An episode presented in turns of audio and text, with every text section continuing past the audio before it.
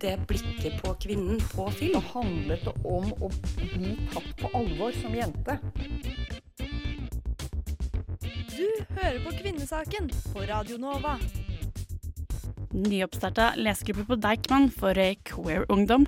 Hva er egentlig postfeminisme, og er det virkelig sant at det ikke finnes noe likestillingslov i USA?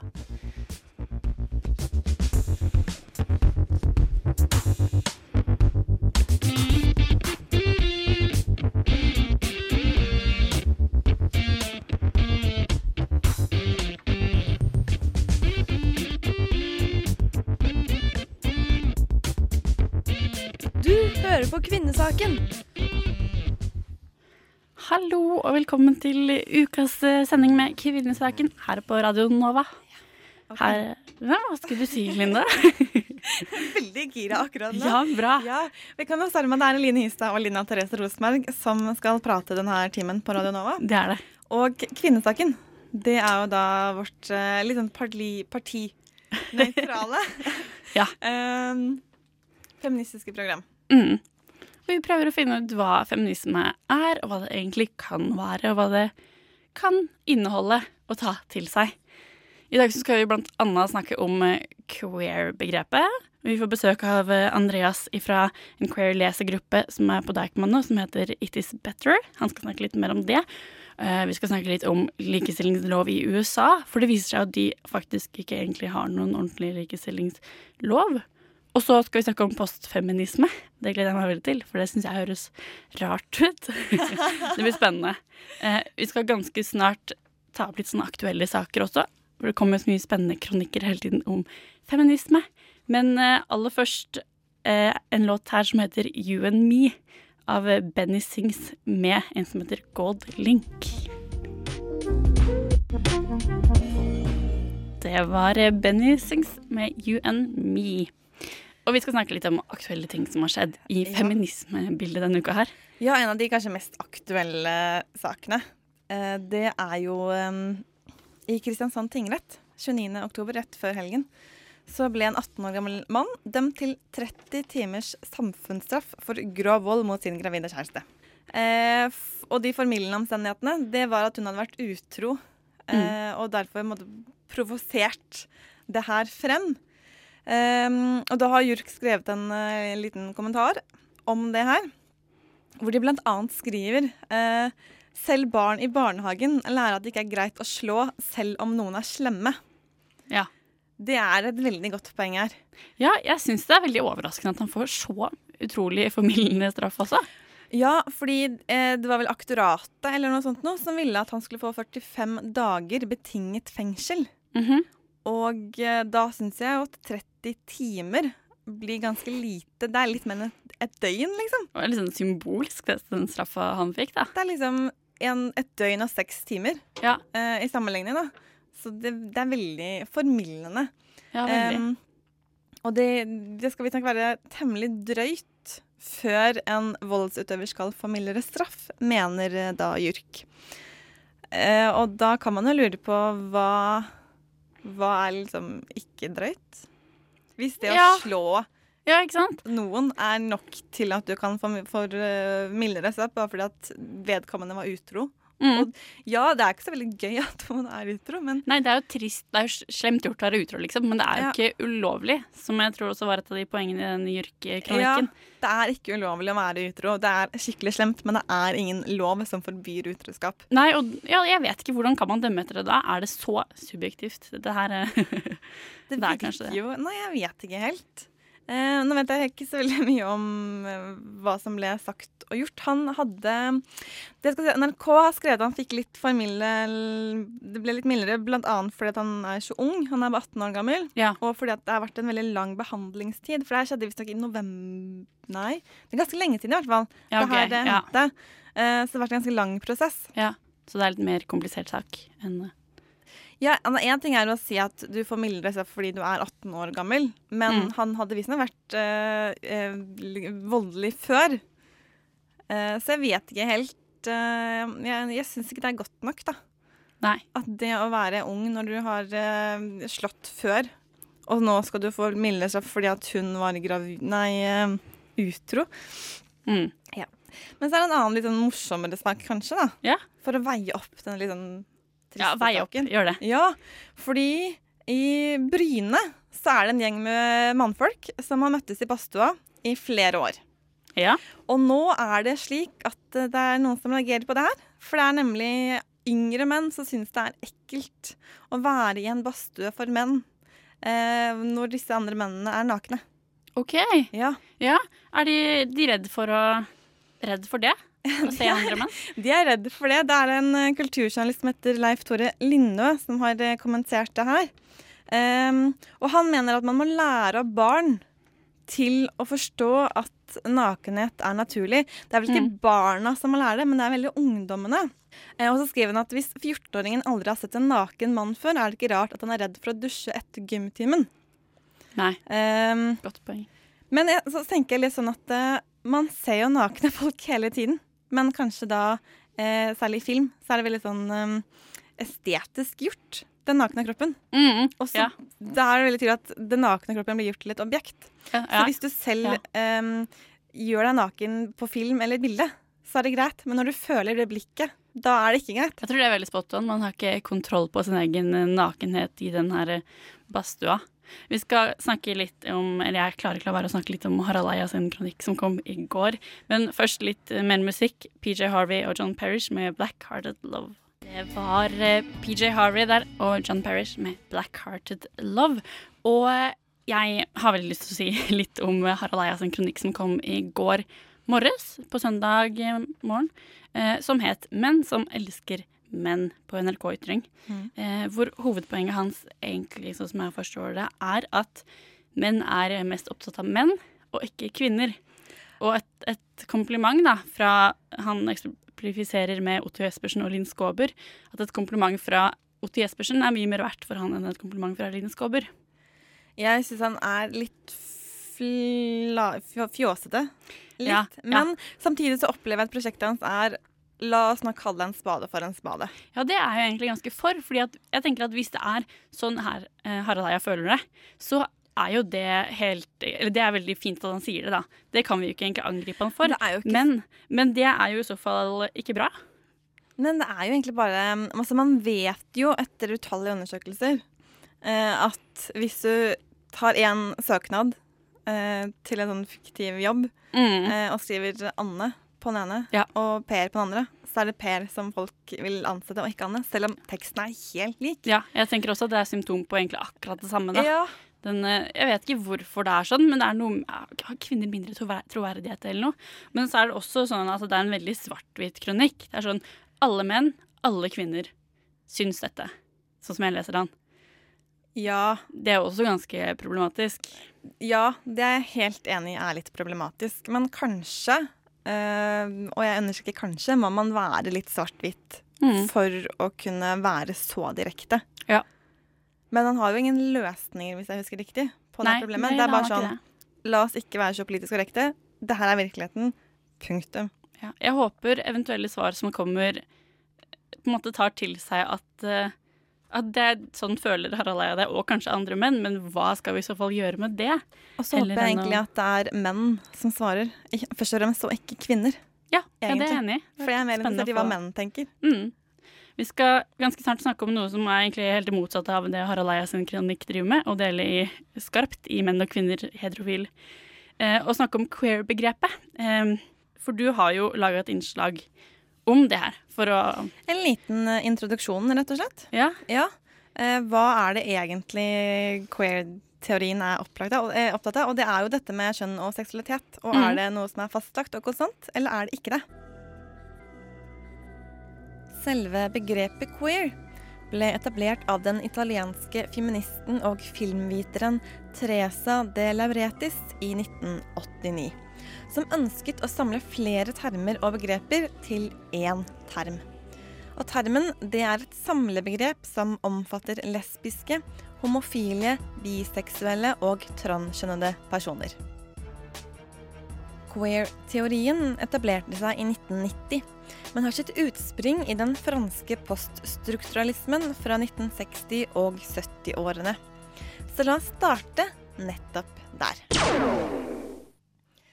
Poststrukturalistene ønsker å utvikle muligheter for erkjennelse ved å oppløse etablerte strukturer og dekonstruere polariteter i språket. Fordi språket er bygget opp av motsetningspar. Vi forstår lyst som en motsetning til mørkt. Og med språket konstruerer vi en forståelse av virkeligheten. Men ettersom språket er bygget på motsetningspar, blir språket også et filter. Ordene vi bruker, belyser visse sider av virkeligheten, men skjuler andre. Den franske idéhistorikeren og poststrukturalisten Michel Foucault er også sentral for dannelsen av queer-teori. Foucault hevder at kjønnet og seksualiteten ikke er ahistoriske kvaliteter som kan avdekkes hos hvert enkelt menneske, men kulturhistoriske produkter. Foucault hevder at seksualvitenskapen har fått i oppgave å utsi sannheter om kjønn og seksualitet. En effekt av dette er at forskjellige seksualitetsformer i økende grad defineres og klassifiseres. Men når forskjellige seksualitetsformer klassifiseres, er det ikke bare handlingene som spesifiseres, men også individene som utfører dem. Og dermed så blir seksualiteten en karakteregenskap. Det som skulle ende opp med å bli queer-teori, begynner å vokse frem på 1980-tallet som en kritikk av homo- og kjønnsforskningens subjektforståelse og reproduksjonen av normative forståelser av kjønn og seksualitet.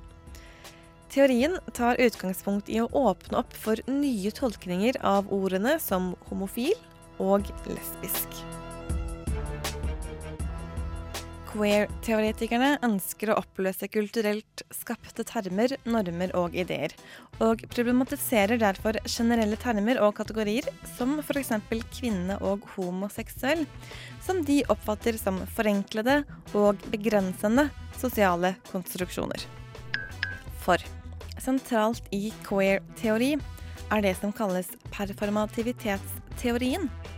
Den dreier seg om at kjønn ikke først og fremst er være, men gjøre. Som mennesker repeterer vi innlærte atferdsmessige og språklige handlinger, og er derfor med på å produsere det som blir sett på som en naturlig skjønnet væremåte. Dermed er vi med på den kulturelle produksjonen av kjønn, ved at vi siterer eksisterende kjønnsnormer. Queer-teorien har som mål å overskride en seksualitetsforståelse som tar det for gitt at visse typer heteroseksuell praksis er det naturlige, i motsetning til andre former for seksualitet.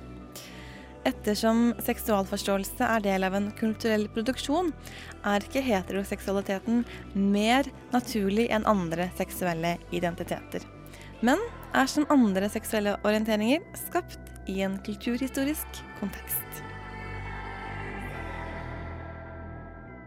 Vi skal ganske snart høre mer om queer-teori når Andreas Breivik fra eh, queer-teori litteraturgruppa It Is Better kommer på besøk. Men aller først, her er The Big Moon med 'Nothing Without You'. Det var The Big Moon med 'Nothing Without You'. Og nå har vi fått eh, gjest i studio her. Du er faktisk eh, vår første gjest, Andreas. Gratulerer med det. Eh, du har jo starta opp eh, en litteraturgruppe, eller kanskje det er bedre å kalle det kunst, eh, kunstgruppe, på Deichman for queer ungdom. Mm. Eh, Jeg tenkte vi kunne snakke litt mer om selve gruppa litt seinere. Men aller først, hva tenker du at det her queer-begrepet kan defineres som? Um, jeg tror det er litt vanskelig. Det kan bety ganske mye, og jeg tror det er en styrke ved det. Men jeg tenkte på det innlegget tidligere, da, så, eh, så, så vil jeg bare legge til at det, det queer-begrepet fantes liksom fra 1600-tallet av allerede, da, men i betydningen litt sånn rar. Eh, å være queer var liksom å være en rar person. Eh, men så senere, tror jeg mot sånn 1800-tallet, så fikk det også en sånn betydning en nedsettende betydning da, om kanskje en sånn feminin mann, at det var en queer person. Eh, så da ble det liksom et sånt skjellsord, da. Så litt av det politiske prosjektet er egentlig bare snu litt opp ned på betydningen. Ja, ikke sant. Akkurat. Det er jo veldig mange sånne prosjekter. Og det skjedde kanskje på ja, sånn 80-90-tallet, da. Og spesielt med, eh, med all den teoretiseringen eh, som også var da, som dere snakket om tidligere. Ja. Eh, men ja, og også Jeg vet ikke, eller sånn kan, Man kan jo kanskje forstå det som en sånn samlebetegnelse på liksom å være homo, lesbisk, trans, whatever. Eh, mm, men jeg tror kanskje, eller på 80-tallet så var det kanskje like mye en sånn kritikk av ja, alt som var, sånn homo nei, heteronormativt. da. Mens i dag så tror jeg det er like viktig å, å kanskje bruke det igjen som et sånt, uh, en type kritikk av å være homonormativ. eh, tror jeg. Eh, fordi det er Eller sånn Jeg var nylig på en debatt eh, her i Oslo hvor man diskuterte liksom at homoer skal få lov til å gifte seg, eller skal få lov, det er jo teit. det må de jo selvfølgelig få lov til. Men at idealet blir liksom å gifte seg og få barn og bil og liksom alle de samme tingene som, som har vært eh, sånn streite ting, da. Hvorfor skal man Eller hvorfor er det det man skal hige etter, da? Og da tenker jeg at, eller da er det viktig å ha dette begrepet og tenke på det igjen at ja, men, det er jo andre, man kan jo ha andre muligheter enn bare å ha barn og bil og liksom reprodusere seg. da. Kan ikke livet liksom være Kan ikke by på noe mer enn bare akkurat de tingene? Noe litt mer spennende, da. Ja, at det, det, man kritiserer det for å bare putte det inn i en ny boks, og prøve å putte det inn i en slags heterofil ja. normboks. Ja, ikke sant. Eller det er, veldig, det er en sånn derre jeg tenker blant Nå kjenner jo jeg flest homser, da. Um, det, er, eller liksom, det virker fristende å liksom uh, prøve å assimilere seg og bli lik og få alle de like mulighetene som, uh, som ekteskap og sånn gir, da. Istedenfor å insistere på at uh, man trenger ikke å være lik, men det går faktisk an å gjøre andre ting enn å stå på jobb og gå klokka ni til fem hver dag, og så gå hjem og lage middag og legge seg. mm. Men står queer-begrepet i motsetning måte, til LGBT-begrepet og sånt også fordi det også er en boks, eller hvordan tenker du det? Um, jeg vet ikke. Det er vanskelig å tenke på det. men uh, jeg tror ikke det står i motsetning, men jeg tror kanskje det er litt sånn forskjellige Jeg tror det er litt sånn forskjellige politikker, da, kanskje. Fordi veldig mange av disse homobevegelsene, både i Norge og eh, i hvert fall i USA, som jeg kjenner best, er, er, er nettopp et sånt uh, Eller mye av politikken der har dreid seg om nettopp ekteskap, da, eller i USA, å få lov til å avtjene Eller være militære. Som er veldig sånne her praktiske, liksom formålstjenlige målsetninger. Mens kanskje en sånn queer politikk ville vært å prøve å ikke sant, radikalt endre hele samfunnet. Det er jo fryktelig utopisk, men jeg, jeg tror det er viktig å liksom eh, ha en sånn målsetning mer enn bare å eh, ja, mer enn bare å få lov til å liksom være som alle de andre. Men kan man må det med det litt med at uh, queer er litt mer sånn forståelsen, mens det andre er mer, eller LHBT er mer den praktiske delen på enkelte områder? Ja, kanskje. kanskje det. Hvordan tenker du queer-begrepet i forhold til feminisme, da? Um, jeg tror I hvert fall for min uh, egen del så har jeg jo um, Jeg har vært Jeg syns det er veldig mange spennende, veldig spennende sånn feministiske tekster, da. Og jeg tror veldig mye av den her ja, forskningen på uh, 80-90-tallet liksom sprang veldig ut av veldig sånn feministiske eh, bevegelser. Eh, og det er jo kanskje der også man henter mye av den kritikken liksom mot den, en sånn eh, streit, hvit, middelaldrende mann, da. Eh, og liksom å underkaste, underlegge seg en sånn figur. Det er, det er jo kanskje mye av det feminisme har jobbet med, i hvert fall tidligere, da. Mm. som har vært en viktig inspirasjon, tror jeg. Vi skal snakke litt mer om denne lesegruppa som du har satt i gang på Deichman. Eh, men aller først litt mer musikk. Det her er Black Honey.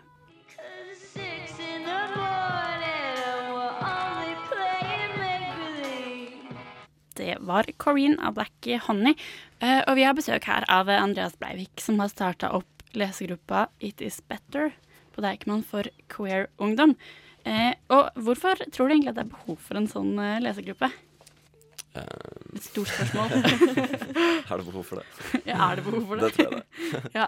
uh, jeg har jo lyst um, Jeg tenker i Oslo så det er ikke så mange kanskje synlige samtaler om Eller sånn queer-samtaler, da. Det er ikke en sånn veldig uh, Ja, det er ikke en sånn veldig etablert scene for det, tror jeg. Mm. Mener jeg, da. Har jeg opplevd. Um, og det har jeg lyst til å gjøre noe med. Og det er jo et lite sånn steg i det stille og lille å starte med en lesegruppe, kanskje. Men jeg tror det er et sånt fint utgangspunkt for å eh, ja, lære mer, og så kanskje starte en samtale. Da. Det Ja. syns jeg er viktig, i hvert fall. Tror du at det her kunsten, altså bøkene og filmene, kan være med på å starte en samtale? Ja, det tror jeg.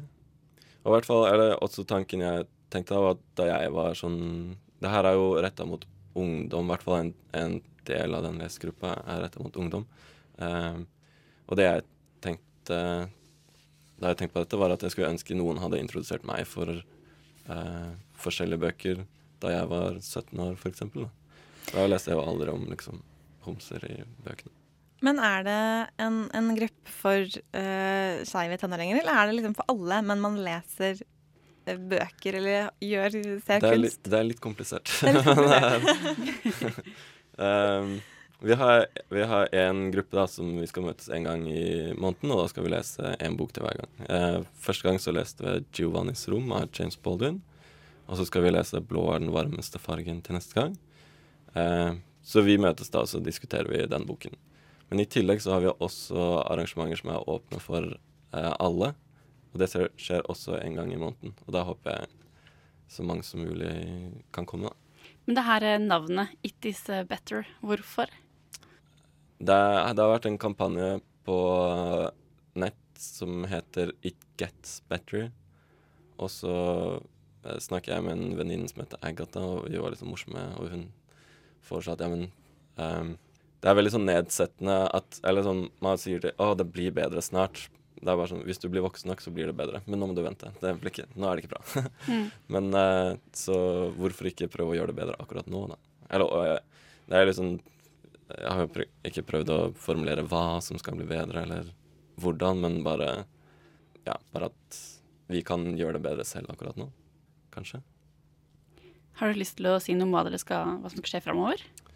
Ja. Eh, på torsdag så skal vi ha en filmvisning på eh, Deichmanske bibliotek. Alt skjer på hovedbiblioteket på Deichmanske. Eh, da skal vi vise den filmen 'Paris Is Burning', som er en veldig fin film fra eh, 80-tallet i New York. Eh, om voging, som danseform. da. Margin margan marginaliserte eh, homser og ja, eh, i Harlem på 80-tallet.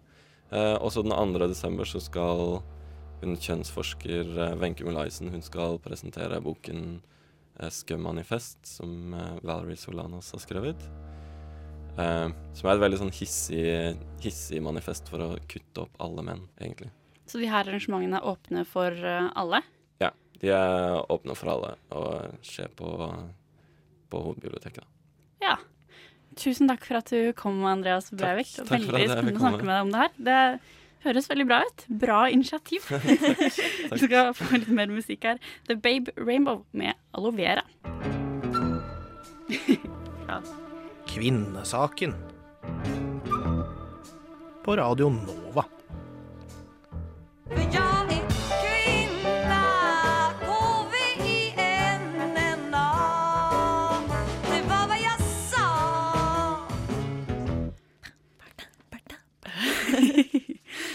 Et av, eller tredje medlemmet her i Kvinnesaken hun kom løpende her i forrige uke og var ganske oppskaka.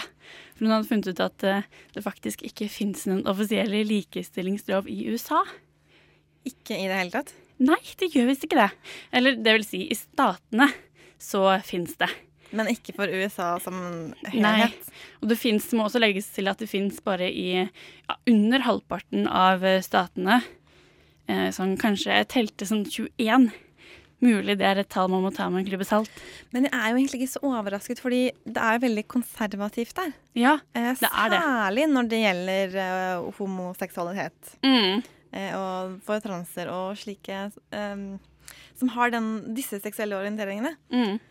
Så at det ikke er en, en likestilling som gjelder disse menneskene, er jo egentlig ikke så overraskende, kanskje. Nei, det, er, det som er, da, er at det finnes veldig mange sånne smålover, men ikke på en måte noe stor dekkende lov. Her i Norge så fikk vi jo en eh, lov i 1979 som, eh, som eh, forbyr å diskriminere eh, seksuell orientering. Og så, nei, vet du hva, det er feil. I 1979 så får vi en som forbyr å diskriminere mellom menn og kvinner. Og i først 2013 så får vi en lov som forbyr å diskriminere seksuell orientering. Ganske seint det også. Det er ganske sent, men hele den eh, aksepten for eh, homoseksualitet, eller ikke-hetero, da, Mm. eh, ligger jo ganske fremdeles egentlig mange steder. Ja. Selv om man har kommet langt eh, i Skandinavia, så Mm. har du det er ikke så lenge siden det var et problem, nærmest. Nei, nei, nei, det er ikke det. Og ja, jeg så i forbindelse med at vi feira denne loven i Norge, så var det jeg som skrev på regjeringen.no at det er ganske paradoksalt egentlig at Norge har vært kjent for å se mot USA. Når USA ligger så langt etter. Skal få høre her eh, hvordan det ligger an i USA. USA. The United States of America. Verdens største stormakt. The land of opportunities. The American dream. Yes, we can. Men har de egentlig en likestillingslov? Jeg har lest og grubla meg gjennom drøssevis av internettsider om lover som f.eks. Act of Age Discrimination, Employment, Civil Rights fra 1866, 1871, 1957, 1964, 1968, 1991 Ja, lista fortsetter i det uendelige. Det jeg fant ut, er at det har blitt vedtatt forskjellige lover som retter seg mot forskjellige typer diskriminering. F.eks. lik lønn for likt arbeid, fødselspermisjon og generell graviditetsdiskriminering. Men det var der det stoppa. I tillegg fant jeg nærmest ingenting som omhandla homofile og transpersoner. Lovforslaget Employment Non-Discrimination Act vil forhindre diskriminering i arbeidslivet basert på nettopp legning og kjønnsidentitet. Lovforslaget har aldri blitt vedtatt, og har vært oppe til vurdering siden 1994, hele elleve ganger. Med andre ord vil det si at USA, ja, verdenspolitiet USA, ikke har noen vedtatt komplett likestillingslov i repertoaret sitt. Kanskje 2015 er året det skjer? Equality Act of 2015 er en antidiskrimineringslov som omfatter kvinner, transpersoner og homofile, altså de gruppene som ikke er noe særlig inkludert i tidligere vedtatte lover. Den ønsker å forby diskriminering på arbeidsplassen, på boligmarkedet, i offentlige lokaler, i det juridiske systemet. Ja, dette er rett og slett en lov som på generell basis forbyr diskriminering. Store, velkjente selskaper som Facebook, Apple og Google har gått ut og støtta lovforslaget, og på pressekonferanse den 6. oktober i år sier Det hvite hus sin pressesekretær Josh Ernest dette om hvorfor ikke loven bare blir vedtatt med en gang. Yeah, uh, and it's just simply that this particular piece of legislation, the way that it's written, would have a significant impact across a broad set of policies. And so the administration wants to, to, to take a careful look to make sure that we understand the broad impact that this particular piece of legislation would have.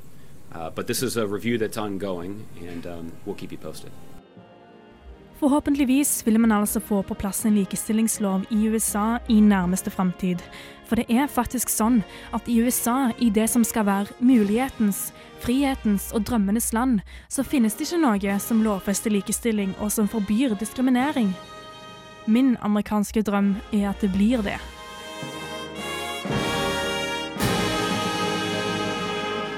Var Lisa Irene Aasbø om sin amerikanske drøm. Eh, vi skal høre litt mer musikk før vi skal snakke om postfeminismebegrepet, hva det nå enn er. Her er Saint med Le Funky intro. Tenk på da vi gikk i demonstrasjonstog, og Ingrid på seks år gikk med plakat hvor det sto 'Jeg vil bli statsminister'. Og alle mennesker lo langs ruta for at en jente skulle kunne bli statsminister. Du hører på Kvinnesaken på Radio Nova. Ja, du hører fortsatt på Kvinnesakene på Radio Nova den der mandagsmorgenen med Linda og Eline i studio. Ja. Og Linda, du skal ha funnet ut masse om postfeminisme. Ja, for det fikk jeg et spørsmål eh, om Ja. for noen uker Er det det etterfeminisme? Er det ferdig? Ja, nei, Ny den er ikke så veldig ferdig, men det handler om ulike bølger. Ja. Uh, og den første feministiske bølgen er jo da på 1800-tallet, starten av 1900-tallet. Så kommer den andre bølgen på sånn 1960- og 70-tallet, varer frem til sånn ca. 1980 rundt der.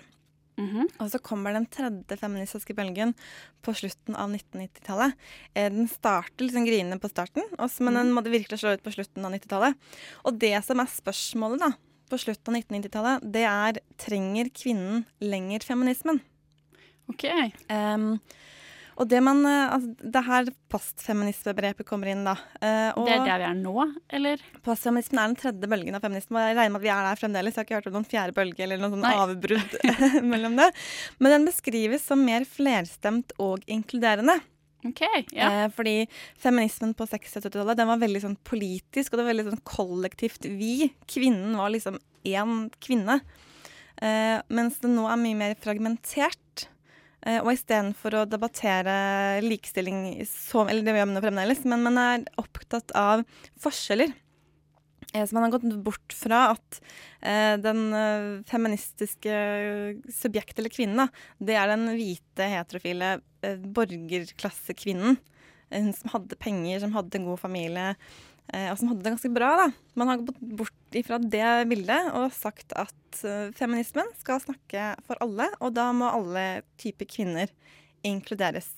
Eh, også menn i større grad. Mm. Eh, for den eh, 60-70-tallsfeminismen var veldig sånn Det var en veldig sånn frigjørings- og undertrykkingsretorikk. Og et av slagordene var at eh, det personlige er politisk. Og det var det litt fokus på det. Men, men det som er interessant, er at det er, det er to retninger her som arbeider side om side gjennom disse tiårene.